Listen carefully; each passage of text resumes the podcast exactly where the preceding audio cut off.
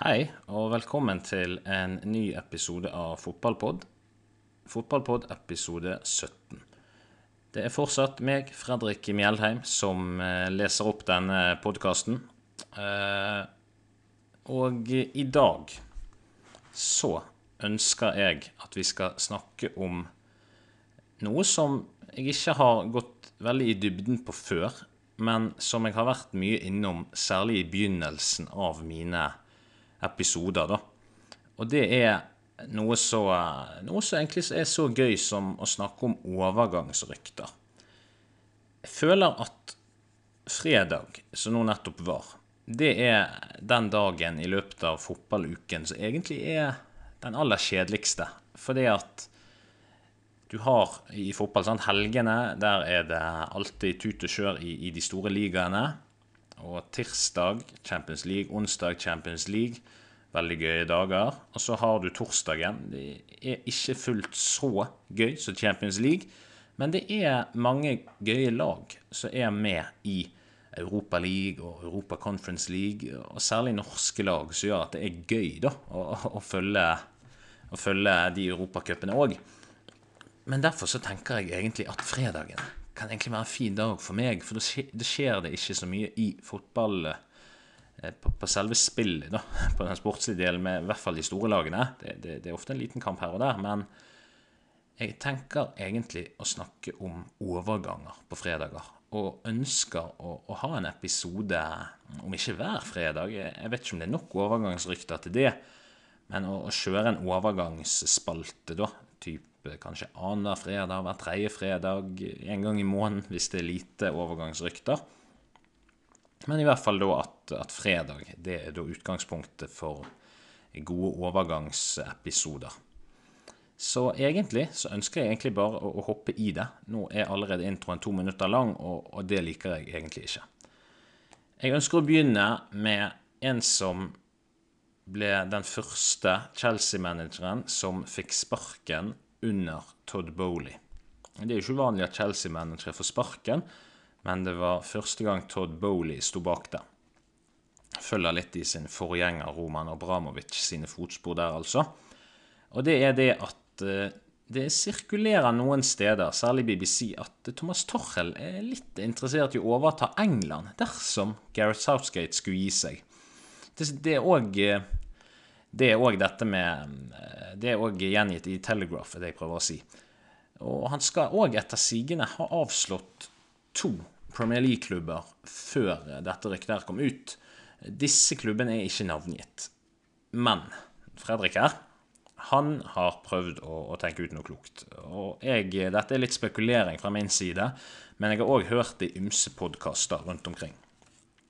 Og det er at eh, det handler om at Nottingham Forest, før de lanserte at de hadde forlenget kontrakten sin med Steve Cooper, at de hadde gjort et lite sånn skal vi si halvveis framstøt på Thomas Torhell uten helt å lykkes, fordi at de innså ganske tidlig at det var altfor ambisiøst. Og, og, det tror jeg at det var òg, eh, for å være helt ærlig. Jeg forstår ikke helt hvorfor de gjorde det. Det, det er veldig det, det, hender, men det er ikke så ofte at uh, de klubbene som trener, skal vi si de fem beste lagene da, i uh, de respektive fem store ligaene, at de går til andre klubber enn de fem store i de fem store ligaene. Det er ofte på en måte de samme managerne der som går så resirkuleres da i, i de ligaene. Så av og til kommer det inn et nytt ansikt, sånn som Graham Potter nå i Chelsea, da. Og i tillegg så har eh, Wolverhampton eh, forsøkt å, å, snakke med Thomas Torhell etter at eh, de måtte se seg nødt til å avskjedige Bruno Lage. Men nå etter at Wolverhampton ikke lyktes med, med framstøtet på Thomas Torhell, så har de òg eh, bestemt seg for å gå etter Nuno Espirito Santo. da. Og det, det, er litt interessant at de skal gå etter en tidligere manager, for det, det er ikke alltid det lykkes.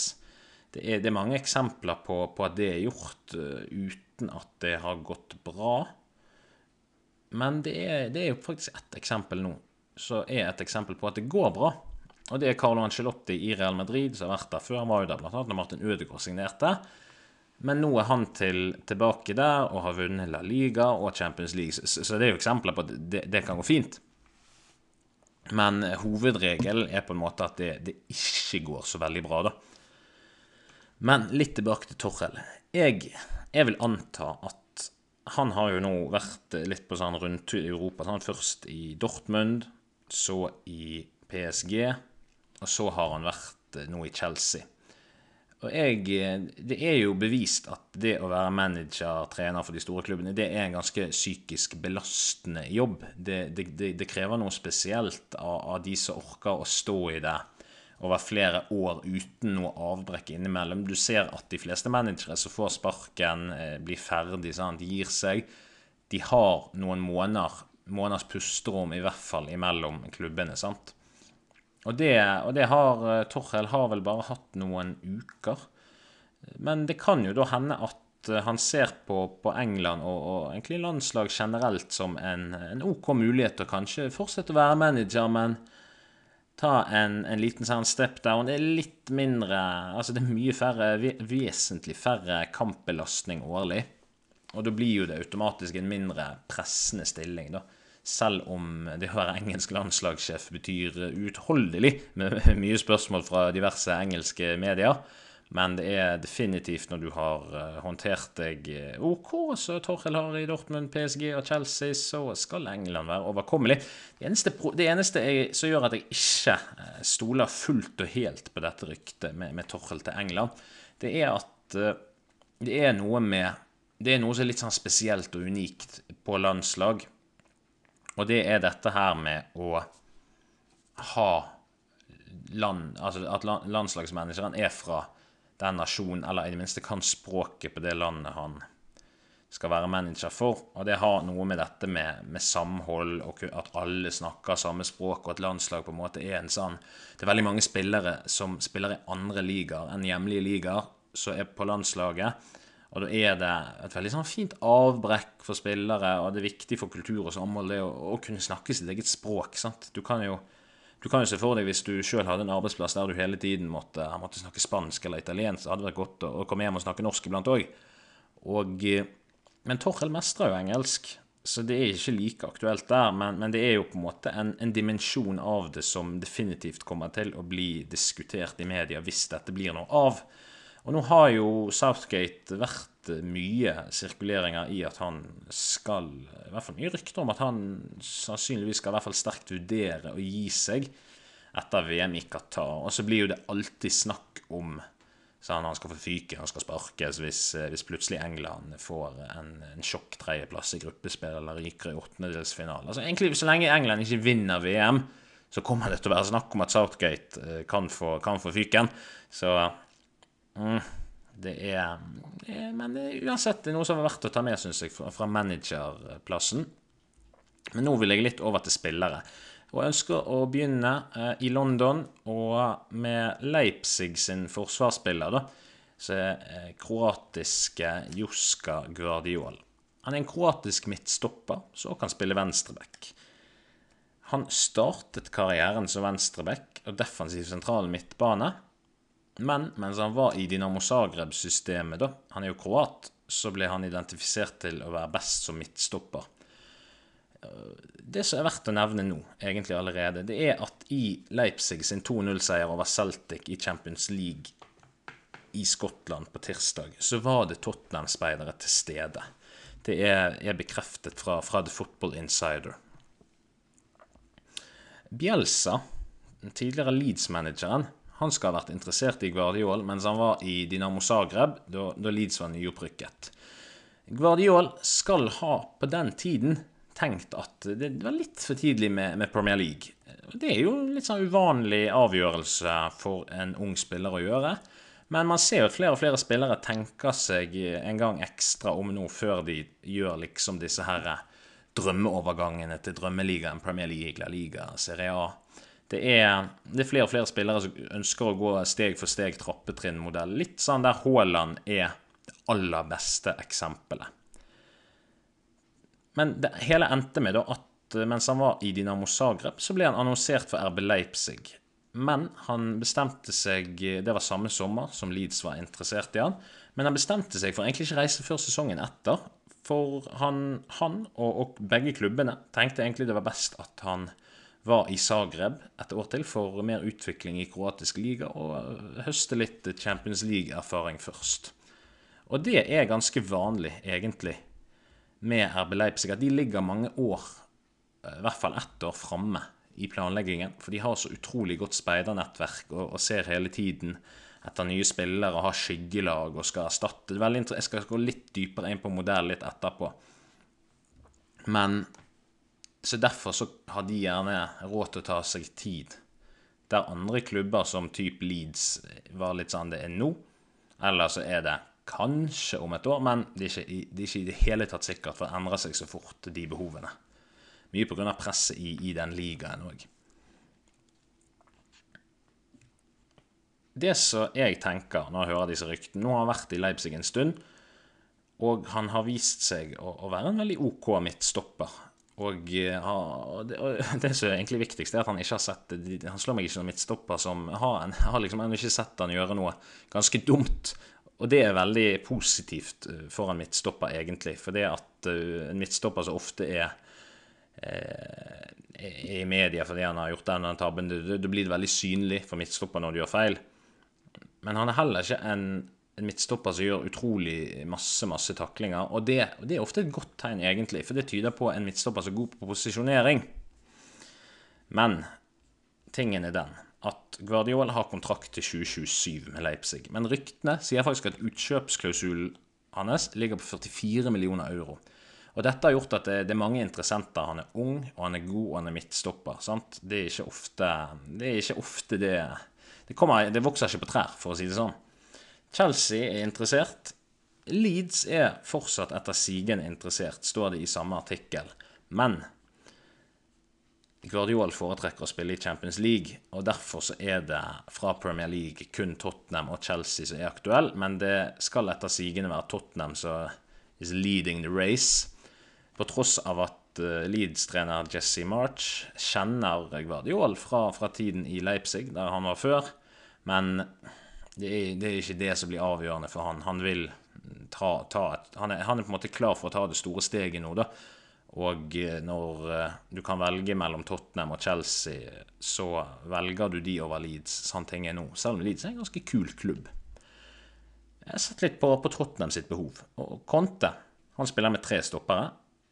Og skal du konkurrere på alle fronter, sånn som Tottenham som en topp seks-klubb egentlig bør ha ambisjoner om, så trenger du egentlig da seks stoppere. For da, da, har du en ganske solid dobbeltdekning. I hvert fall fem, for de har jo, det finnes jo alltid en, en venstreback eller defensiv midtbanespiller som kan trekke ned og, og, og bekle den rollen ganske OK, særlig i litt mindre kamper. da.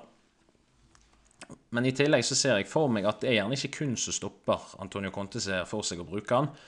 Det kan hende han òg ser på han som en potensiell uh, type venstre wingback. Så han, han, er talentfull, han, er, han har fart òg.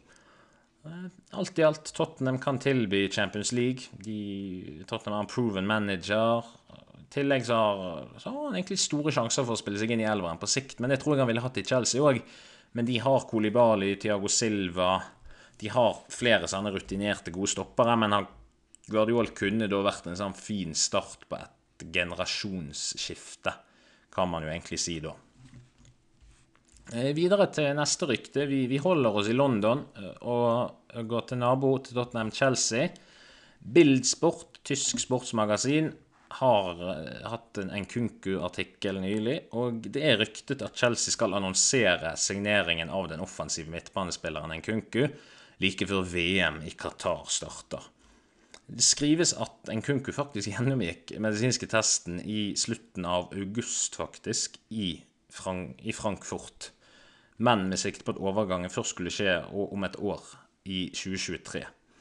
Dette skal både RB Leipzig og Chelsea være enige om, men Chelsea ønsker likevel å annonsere en Kunku på en femårskontrakt før VM starter. Jeg vet ikke helt hvorfor det er så viktig at han skal annonseres fortest mulig. Det er vel for å unngå at det skal komme noen sånne der eh, Skal vi si en sånn haiklubb inn og, og liksom hva er det heter i meglerbransjen når noen bare kommer inn og hva er det sånn, eh, kupp, kupper han, kupper hele handelen, et eller annet sånt. Avtalen er ikke 100 ennå. Det, det, det, er han ikke. Chelsea må for, for, at alt skal være OK, så må, så må de bli enige med Leipzig siden uh, siden den 60 millioner euro utkjøpsklausulen som Nkunku har, den er ikke aktiv før sommeren 23, og de forhandler jo nå, sant? men i prinsippet så skal det gå greit siden overgangen ikke skal skje før da 1.6.2023, ifølge Fabrizio Romano. Så med andre ord så er det jo en teoretisk mulighet for at en Kunku kan komme til Chelsea allerede i januar, men det er lite sannsynlig, siden Leipzig vil trenge tid på å erstatte han.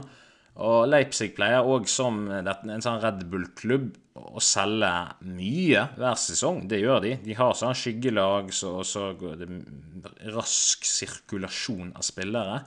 Litt sånn moneyball, som jeg skal forklare litt mer etterpå. Men de foretrekker å gjøre dette om sommeren, for det er da det er enklest å erstatte og, og, og, i hvert fall kjøpe i markedet. Det er ikke lett å kjøpe i januar, og prisene stiger litt opp da. og Det, det er ikke moneyball-vennlig taktikk. Men det pleier ikke å være et stort problem for Leipzig å erstatte de, de, største navnene. Fansen pleier heller ikke å bli så veldig sure når de selger gode spillere, for de vet at det, det kommer en eller annen ny 18-åring inn og, og, tar en liten stund, og så, og så, gjør han det like bra. Og eh, det er ikke mange år siden Leipzig lå på nivå fire i, i tysk ligasystem. Så fansen der er, er for, veldig fornøyd egentlig med, med Red Bull-systemet, selv om det har fått masse kritikk i Tyskland for å bare være pengefiksert.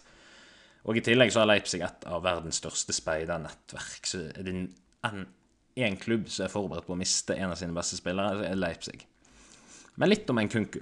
Han er en offensiv midtbanespiller som sannsynligvis vil ha god mulighet for å spille seg inn i Potter sitt 3-4-2-1-system.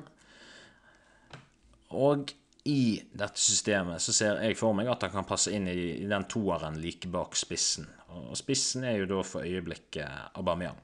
En kunku, han er ung. Han er bare 24 år gammel, og alle som hører denne poden, vet at jeg er veldig glad i dette her med å være på riktig side av 27, og han har da tre års margin. Men han har allerede faktisk i år levert syv mål på ni kamper for Leipzig i Bundesliga. Og det, det er tall som er vanskelig å krangle med. Veldig imponerende for en offensiv midtbanespiller. Det er litt sånn Bruno Fernandes-vibes når han ankom United i 2020 der. Når han kom inn og hadde en sånn instant impact. Jeg, jeg ser for meg at en Kunku kan være en sånn spiller som ikke trenger mye tilpasning til Premier League. Han ser, ser jo fysisk sterk ut, og han er ikke en spiller som detter av den minste puff og, og sånne ting. og er det er ikke en sånn bitte liten, uh, liten kar som kommer. Det er en uh, sterk fransk spiller. Han har allerede åtte landskamper. Seniordebuten hans var faktisk tilbake i 2015, når han kom inn for Lucas Mora i en PSG-kamp. Og i 2019 så signerte han for Leipzig. Så på de fire årene i PSG så fikk han ca. 55 A-lagskamper for PSG, noe som er helt OK. Han kunne jo valgt å fortsette i PSG, men han tenkte nok at i Leipzig får han mer muligheter. Litt mer om det etterpå. Fordi at på 34 Bundesligakamper i fjor så hadde han 20 mål og 13 assists. Det er altså én kamp under, har 1,0 på målpoengsnitt. Veldig imponerende, og det er dette som gjør han så veldig ettertraktet. Alle med den alderen og den statistikken i den ligaen vil bli ettertraktet jeg har sett at flere og flere talenter, særlig de siste fem, seks, syv årene, tross uh, høy ettertraktelse fra mange store klubber, så velger mange Red Bull-systemet. Du ser f.eks. Haaland. Når han var i Molde, så kunne han gått uh, rett til f.eks. Nederland, men han valgte Red Bull Salzburg for utvikling. Valget i neste tur var Dortmund, tross et Manchester United-tilbud, så du ser at Dortmund, Red Bull-lagene, og så vil jeg også trekke inn lag som Ajax og dels Atletico Madrid, er ettertraktet blant talentfulle 15-, 16-, 17-, 18-åringer hos eh, faktisk både tro spilleren, men også foreldre og agent. Fordi at dette her blir en vinn-vinn-vinn-situasjon. Spilleren vinner utvikling og bedre kontrakt seinere. Foreldrene vil jo ha det beste ut av ut av barnet de har kjørt på x antall treninger og, og disse tingene her. Sant? Man har jo, det er ofte foreldre som har jobbet hardt for, for unge talenter som slår igjennom. og man, når man har syv valgmuligheter, så vil man jo ta det beste valget. Du, du kan jo forestille deg at uh, du er nyutdannet, og så har du fem jobbtilbud. Det vil jo være et vanskelig valg hvis den ene jobben er veldig kjent, anerkjent bedrift, så du starter en god stilling, men i den andre bedriften så kan du fort klatre og bli daglig leder, men det er en mindre bedrift. I den tredje bedriften er det litt miks og sånn. Det, det, er et vanskelig valg. Jeg forstår at spillere ofte bruker flere uker og måneder, kanskje år, på, på å bestemme seg egentlig mens de er i en klubb. Men agenten, han vet jo at klubber som Dortmund, Atletico Madrid, Ajax og spesielt Red Bull-lagene. For dette er jo liksom en, dette er en kjøreplan de har. Det at de skal selge når de kan tjene gode penger på spilleren. Altså at det de ga, de kan få stor profitt. Sånn så I en tilfelle så mener jeg at han kom fra PSG til Leipzig for 13 millioner euro. Og utkjøpsklausulen er et sted mellom 50 og 60 millioner. Det er en ganske OK profitt, der alle vinner og agenten som får honorar. Foreldrene er jo, også spillere, er jo sjenerøse med familien sin. Det er jo veldig, veldig vanlig. Men òg kjøpende klubb, i dette tilfellet Chelsea, eh, får òg mye seier, tross at de må betale en eh, skapelig sum for han. Men dette er egentlig billig i dagens marked for en sann offensiv midtbanespiller. Fordi at kjøpende klubb får eh, masse, en spiller som vil levere masse målpoeng, men de får òg draktsalg, mye proklamering, disse tingene her. Men hvis vi går litt tilbake i tid, hadde en Kunku f.eks. satset i, i Paris Saint-Germain, så er ikke det sikkert at han hadde fått starte så mye kamper på et godt nivå som i Tyskland. Og I tillegg så vil han Tyskland, Bundesliga, som jeg mener er hakket over league Ø i kvalitet, så vil han starte mye mer kamper enn han ville i PSG. Så det er liksom det er mer kamper i bedre liga. Det er egentlig en no-brainer når du ser på det. Og dette her ser spillere òg nå, at hvis man tar en liten sånn detour via disse klubbene, så kan man ende opp med å være enda bedre til slutt. For de har så gode utviklingstrenere der. Dette er trenere som er spesialisert på å utvikle spillere. Du så når Martin Ødegaard når han, når han skulle gå fra Strømsgodset til, til Real Madrid så var det Han var veldig sånn Det er et ganske stort steg å gå fra Madrid Nei, gå fra Strømsgodset til Real Madrid. Hadde Martin Ødegaard gjerne da gått via typ Ajax, Dortmund, et Red Bull-lag, så kunne det hende at han hadde sluppet mange av de omveiene han måtte ta via men det var Heerenveen i Nederland, Real Sociedad, og så litt tilbake Real Madrid, utlån Arsenal, disse tingene her. Sant? Men Det er jo en veldig god karriere. Litt dårlig eksempel, egentlig, men jeg, jeg tror dere skjønner hva jeg prøver å si. Mens Haaland på andre siden er det perfekte eksempelet. Sant? Steg for steg, tross gode tilbud, og nå er han på Nå er han kanskje verdens beste angrepsspiller. Men jeg skjønner den angsten en spiller kan sitte med når du, når, du, har den gode kontrakten. Mange vil oppleve det er once in a lifetime opportunity, selv om du er 19 år gammel. For man ser jo flere og flere, flere spillere. Eh, Senest eh, Brighton fredag kveld eh, så hadde det blitt annonsert at en 24 år gammel spiller hos de må legge opp pga. hjertefeil. Man kan bli skadet, sånn som noen spillere blir for rygg, ryggtrøbbel. Det er det er mange spillere verden over på, på juniornivå som må legge opp hver dag pga. diverse ja, skavanker på kroppen. da.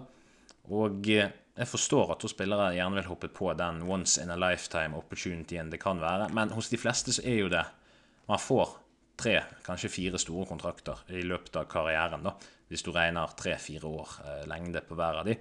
Så en Kunku han har tatt en, eh, en, god vei, egentlig. Et godt valg med Leipzig. Vært der lenge, fått tillit, blitt sett. Og nå kan han ende opp med å signere for, for Chelsea, så ikke lenge siden de vant Champions League, og spiller under en spennende trener i en spennende formasjon òg, egentlig. Jeg syns Chelsea er et spennende prosjekt nå, eh, og det blir utrolig kult å følge hvordan Bowley-æraen skal være i forhold til Abramovic-æraen. Men én ting er sikkert, de bruker fortsatt ekstreme mengder med, med, penger. Vi holder oss egentlig litt i Chelsea på, på det neste ryktet jeg vil gå gjennom.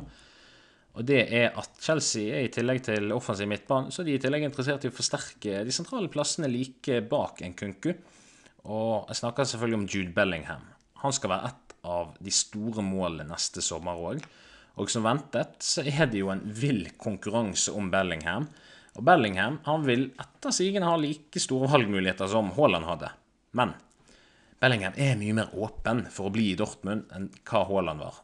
Spesielt om vi skal tro en podkast som jeg nettopp hørte fra, fra The Athletic. Men Chelsea skal ha luftet beløpet 100 millioner euro for Dortmund. Ganske uformelt. Men Dortmund er ganske selvsikker på at de egentlig kan hente inn minst 107 millioner euro om man skulle dra sommeren 23. Men han har ikke det samme hastverket. Det har han vist tidligere i karrieren òg. Tidligere Chelsea-eier og, og nåværende har, har, en del forskjeller, men allerede nå så ser vi at det viktige likhetstrekket er at de går etter eh, store signeringer fortsatt. Chelsea kommer til å forbli en storklubb under Graham Potter òg. Eh, og, og, Todd Bowley, selvfølgelig, som jeg egentlig mente. Eh, hvis de fortsetter denne pengegaloppen. For da skal det godt gjøres å ikke avslutte på en respektabel tabellplassering, tross at det er nå minst syv klubber i Premier League som egentlig sitter godt i det med penger. Eneste sommeren egentlig Chelsea ikke har brukt store summer siste tiden, spesielt under Abramovic, det var jo Lampard sin første sesong, siden de da var ilagt en karantene av Uefa. Men tilbake til, til, Bellingham. Han er kun eh, Jeg tror i hvert fall det var en karantene av Uefa, ikke helt sikker. Men Bellingham han er i hvert fall kun 19 år, og han dro tidlig til Tyskland fremfor å velge England, av eh, grunner jeg redegjorde litt i sted. Det er bedre mulighet for en enda større kontrakt i enden av tunnelen av å velge f.eks. sånn Dortmund. Sant? Nå ser du at han har fått vise seg fram i, i Champions League og Bundesliga, og det får du i type Leipzig og Dortmund.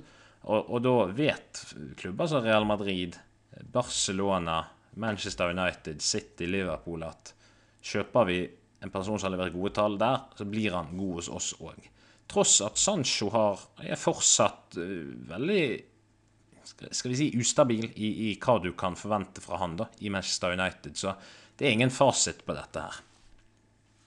Men hvis Chelsea og Graham Potter skulle ende opp med en Kunku og Jude Bellingham som midtbaneforsterkninger, da kan du virkelig snakke tittelkandidat. For Bellingham han har spilt førstelagsfotball siden han var 16 år. Og det er rimelig fast òg, egentlig. Eh, han kommer jo gjennom Birmingham-systemet. Eh, han blir av noen, og med noen som mener enn meg Jeg ser en litt sånn Skal vi si Nesten sånn Yaya Toré i noen av målskåringsegenskapene. Spesielt den ene gode sesongen han hadde i City. Eh, også tidvis en sånn Shawi på sitt beste lignende intelligens. Og det er noe skal vi si Tony Cross over pasningene, presencen, sentringen Altså, ja. Og det, det, det store midtbanespillere jeg nevner der Bellingham er virkelig god. Og det er når du ser på fotball, så er det veldig lett å, å henge seg opp i hvor ballen er, når, når, du ser på, på, skjermen. Men hvis du ser på f.eks. en spiller som Jude Bellingham når han ikke har ball òg, så vil du se at han er fotballsmart type. Det er noe med der ballen ender opp om syv trekk, det klarer han å forstå da. Å, være på riktig sted til riktig tid, eller å være på riktig sted for å slå den avgjørende pasningen til riktig tid. Så det, det, det, anbefaler jeg av og til se på disse store spillerne, selv om de ikke har ball i kampene. Vi reiser videre til Manchester. Dette er noe jeg har lest i BBC og Daily Mail. Manchester United skal etter rapporter ha sjekket ut muligheter for å signere godeste Sergej Milinikovic Savic, midtbanespilleren i Lazio. Spanskfødte serberen han har vært ryktet til Manchester United de siste fire årene, egentlig veldig av og på. Så jeg syns det er vanskelig å vite hva man skal legge i det. Alltid vanskelig med Manchester United-rykter, eh, opplever jeg. For det det er så mye Det er så mye som sirkulerer, og de er koblet til hundrevis av spillere hvert eneste år i ymse forskjellige ligaer i alt fra Nederland, Belgia, Tyskland, Spania, England Alt, egentlig. Og da blir det veldig vanskelig å sortere ut det som kan være riktig. Grunnen til at jeg valgte ut uh, dette ryktet, det er fordi at det både BBC og Daily Mail egentlig melder det. Og uh, skal vi si Savic da fra nå, han har rukket å bli en liten uh, Lazio-legende etter å ha vært så god over så mange år, fordi han, han har liksom ikke dratt bare til Real Madrid eller streiket for å dra til en større klubb som vil ha han. Han har alltid vært proff og vært god for Lazio. Han har, eh, han har 240 kamper og 51 mål. Han har kanskje litt flere kamper nå var litt utredet statistikk er sjekket. Han er verken på feil eller riktig side av 27. Han er 27. Og de statistikkene han har levert, det er helt godkjent for en sentral midtbanespiller. Og det er derfor forståelig at både United, men òg faktisk Juventus er òg en, en, av beilerne på han. De er òg interessert. Lazio-presidenten uttalte nylig i litt sånn, skal vi si, Tony Soprano-stil at uh, han er verdt minst 105 millioner euro. Prisen stiger for hver måned. Sant? De vil ha euro. Det skrives òg at dette er litt taktikk fra, fra Lazio. Fordi de ønsker ikke å selge han i januar. Det, det, er forståelig. De henger med i Serie A, og Juventus pluss Milano-klubbene de er ikke helt i gang. Han godeste karen òg, han er òg i veldig god form. Han har 11 målpoeng på 12 kamper i år. Det er akkurat det Juventus og Manchester United trenger. Men òg Lazio, egentlig. Og dette er en litt annen type spiller enn en f.eks. de Jong, som var heavy koblet til United i sommer. Men hvis United fortsetter i 4-2-3-1 fremfor 4-3-3, så er det spennende med, med f.eks. en Casemiro, Savic, Bruno midtbane, om, om Ten Hag tør dette. Det høres risky ut. Jeg tror egentlig ikke han tør det, så jeg forstår ikke helt behovet United skulle eventuelt ha for en annet enn dybde. For United har offensive, gode spillere i Bruno Fernandes og Christian Eriksen. Men Eriksen han er over 30 år, sant? så ja, vanskelig å si. Jeg tror egentlig ikke at dette er noe som skjer. I hvert fall ikke i januar. Men, men hvis det skulle forekomme, da, så er det for Dybdisdal. Så ville United sett veldig sterk ut på midten. I forhold til Juventus så er de såpass ute av det i alle turneringer de deltar i, at enhver forsterkning er, er, er priset. Altså, og de har så mye skader òg innimellom på, på typ Pogba, Di Maria, og de mistet uh, Dybala i sommer, så det er, er det noe de hadde trengt, så er jo det en, en midtbanespiller som leverer målpoeng. De trenger kanskje enda mer enn uh, United. Og så litt uh, over til Mbappe. Dette er noe jeg har fått med meg i Goal og, og BBC. Og har vært mye innpå Mbappe i det siste. Han er stadig ryktet vekk fra PSG nå siste, siste halvannen uken, tross at han egentlig fikk en ny kontrakt i sommer. Uh, Liverpool og Real Madrid er nevnt, men PSG skal foretrekke å selge til Liverpool. Dette fordi en, en liten sånn konflikt uh, i, i kjølvannet av superligaskandalen, kan vi jo egentlig si, mellom Eh, de to øverste sjefene for Real Madrid og PSG, Perez og Helafi, de, er, de, har hatt uenigheter, og det skaper ikke akkurat et godt forhandlingsklima. Så PSG vil da, hvis de må selge han, sjekke ut med Liverpool først. Så det har vært noen skriverier i, i så tilfelle om at PSG kunne egentlig tenkt seg Mohammed Salah motsatt vei. Dette tror jeg vil være et, et stort skår i gleden for, for dere Liverpool-fans.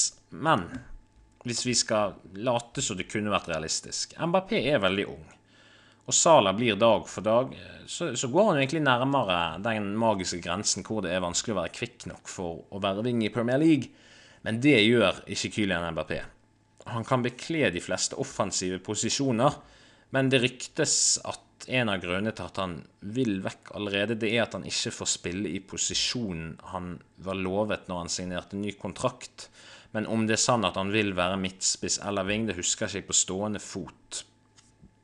Jeg vil anta, siden han har spilt mye midtspiss, og det er Messi og Neymar på hver sin kant, at han egentlig vil være kant. Men jeg er ikke helt sikker. Det kan være det omvendt òg.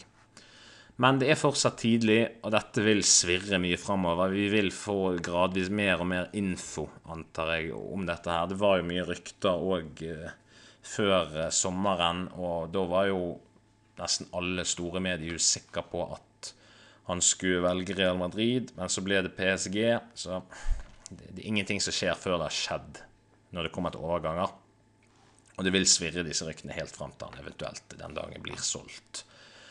Jeg tror Hvis det kommer til rene penger, så er Real Madrid bedre skodd enn Liverpool. I hvert fall historisk sett så, så er Real Madrid mer åpen for å, å, hive store penger etter spillere enn Liverpool. Liverpool er mer ute etter eh, de, de gode kjøpene. Men eh, samtidig med Darwin Nunes så viste de at eh, de kan flekke opp lommeboken når det trengs, og, og med van Dijk òg har de gjort det, så de er ikke fremmed for store overgangssummer.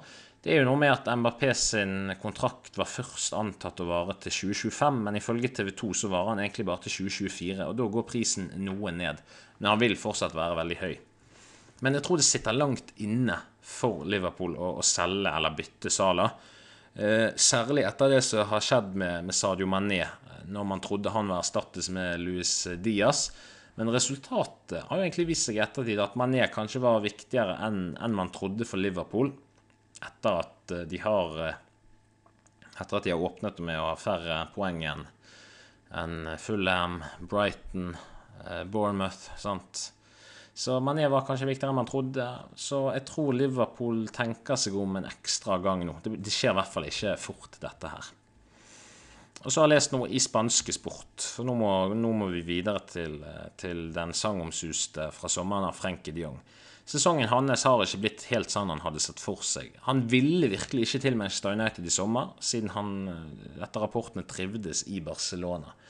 Han har ikke sett for seg å være så mye innbytter som han har vært. Og særlig er han frustrert over at spillere som Gavi og Pedri er foran han i rekken. I tillegg så foretrekker de Jong egentlig å være anker i 4-3-3, men Savi foretrekker jo Sergio Busquets her. Imidlertid så er jo Busquets over 30 år, men Barcelona er faktisk på jakt etter en erstatter for Busquets. En mer defensivt orientert anker enn dette ballfordelet ankeret som de Jong er. Og de Jong på sin side skal ha trodd at bare han nektet å dra i sommer, så skulle ting gå seg til. Men nå har han, etter, etter rapporten, innsett at Savi egentlig kun ser på han som en innbytter og eh, long term. Men, men United er skuffet over at ting ikke gikk i orden i sommer. Og, men de, de, holder Døren er ikke lukket, men de pengene som var satt av til de Jong, ble jo da brukt på Casemiro. Men samtidig så var det andre klubber som ja, Chelsea de er veldig mye linket, syns jeg. Men de òg skal ha vært interessert i, i de Jong. Og det vil nok absolutt òg være andre store klubber som vil være interessert om de Jong er på markedet. Men det er jo klart at eh, Manchester United er en særklasse når det kommer til økonomi.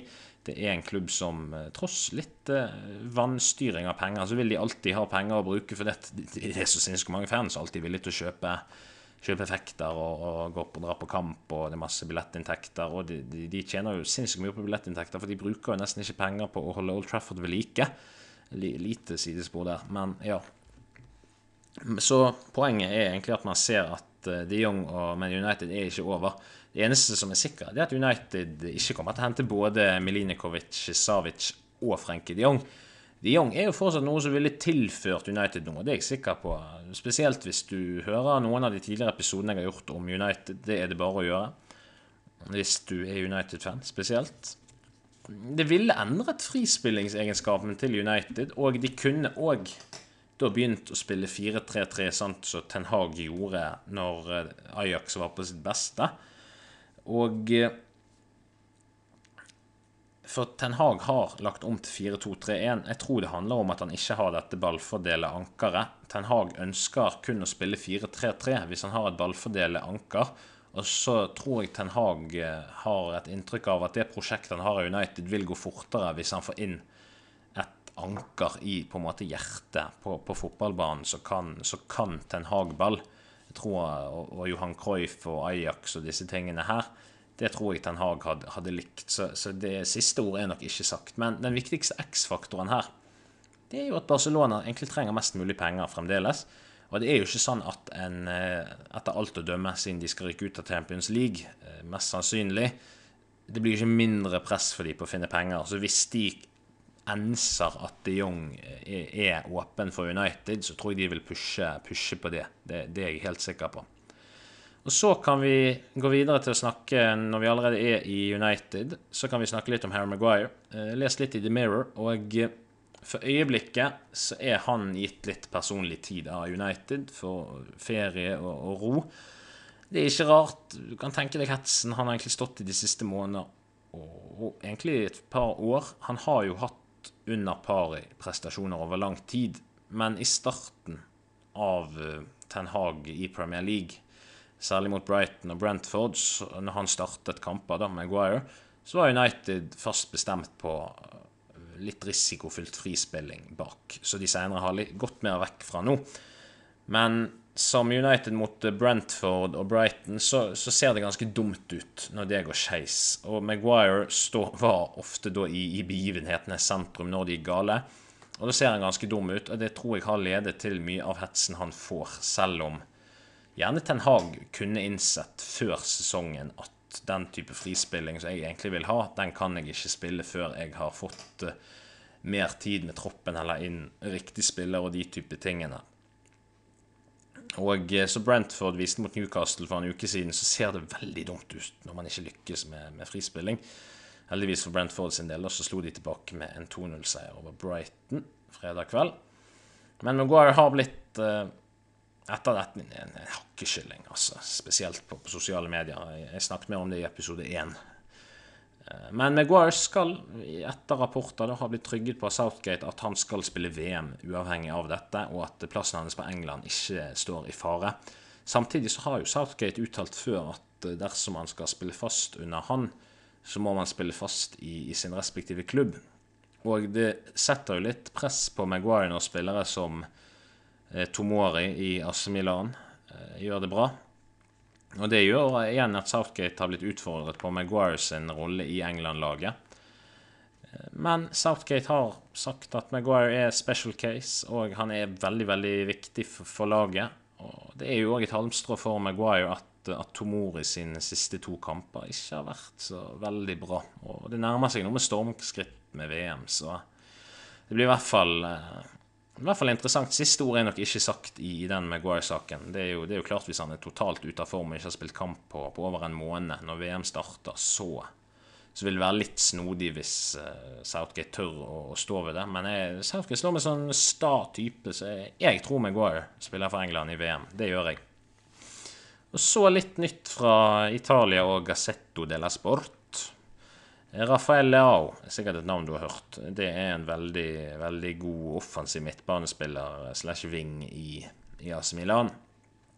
Og igjen så er det Chelsea som er interessert i å hente han eh, neste sommer. Men AC Milan har virkelig ikke lyst å miste han, og de har derfor tilbudt han en, en ny kontrakt eh, nå, som vurderes av, av Leao sjøl, og sammen med agent og de nærmeste der. Dette er en veldig ung, imponerende offensiv spiller som, som kommer til å være megaattraktiv neste sommer, egentlig uavhengig av, av om han signerer ny kontrakt uh, eller ikke. Og det er garantert ikke bare Chelsea som er interessert i han. Jeg vil tro det er andre Premier League og, og typ, kanskje Real Madrid og, og disse klubbene her også melder seg opp på. Det, det, vil ikke forbause meg. Det er en veldig god spiller. Men, men han vurderer seriøst det siste kontraktsforslaget fra, fra Milan. Og Litt andre nyheter òg. Arsenal eh, ønsker å gi Chaka en ny kontrakt. Det har Fabrizio Romano nevnt på sin Instagram-konto.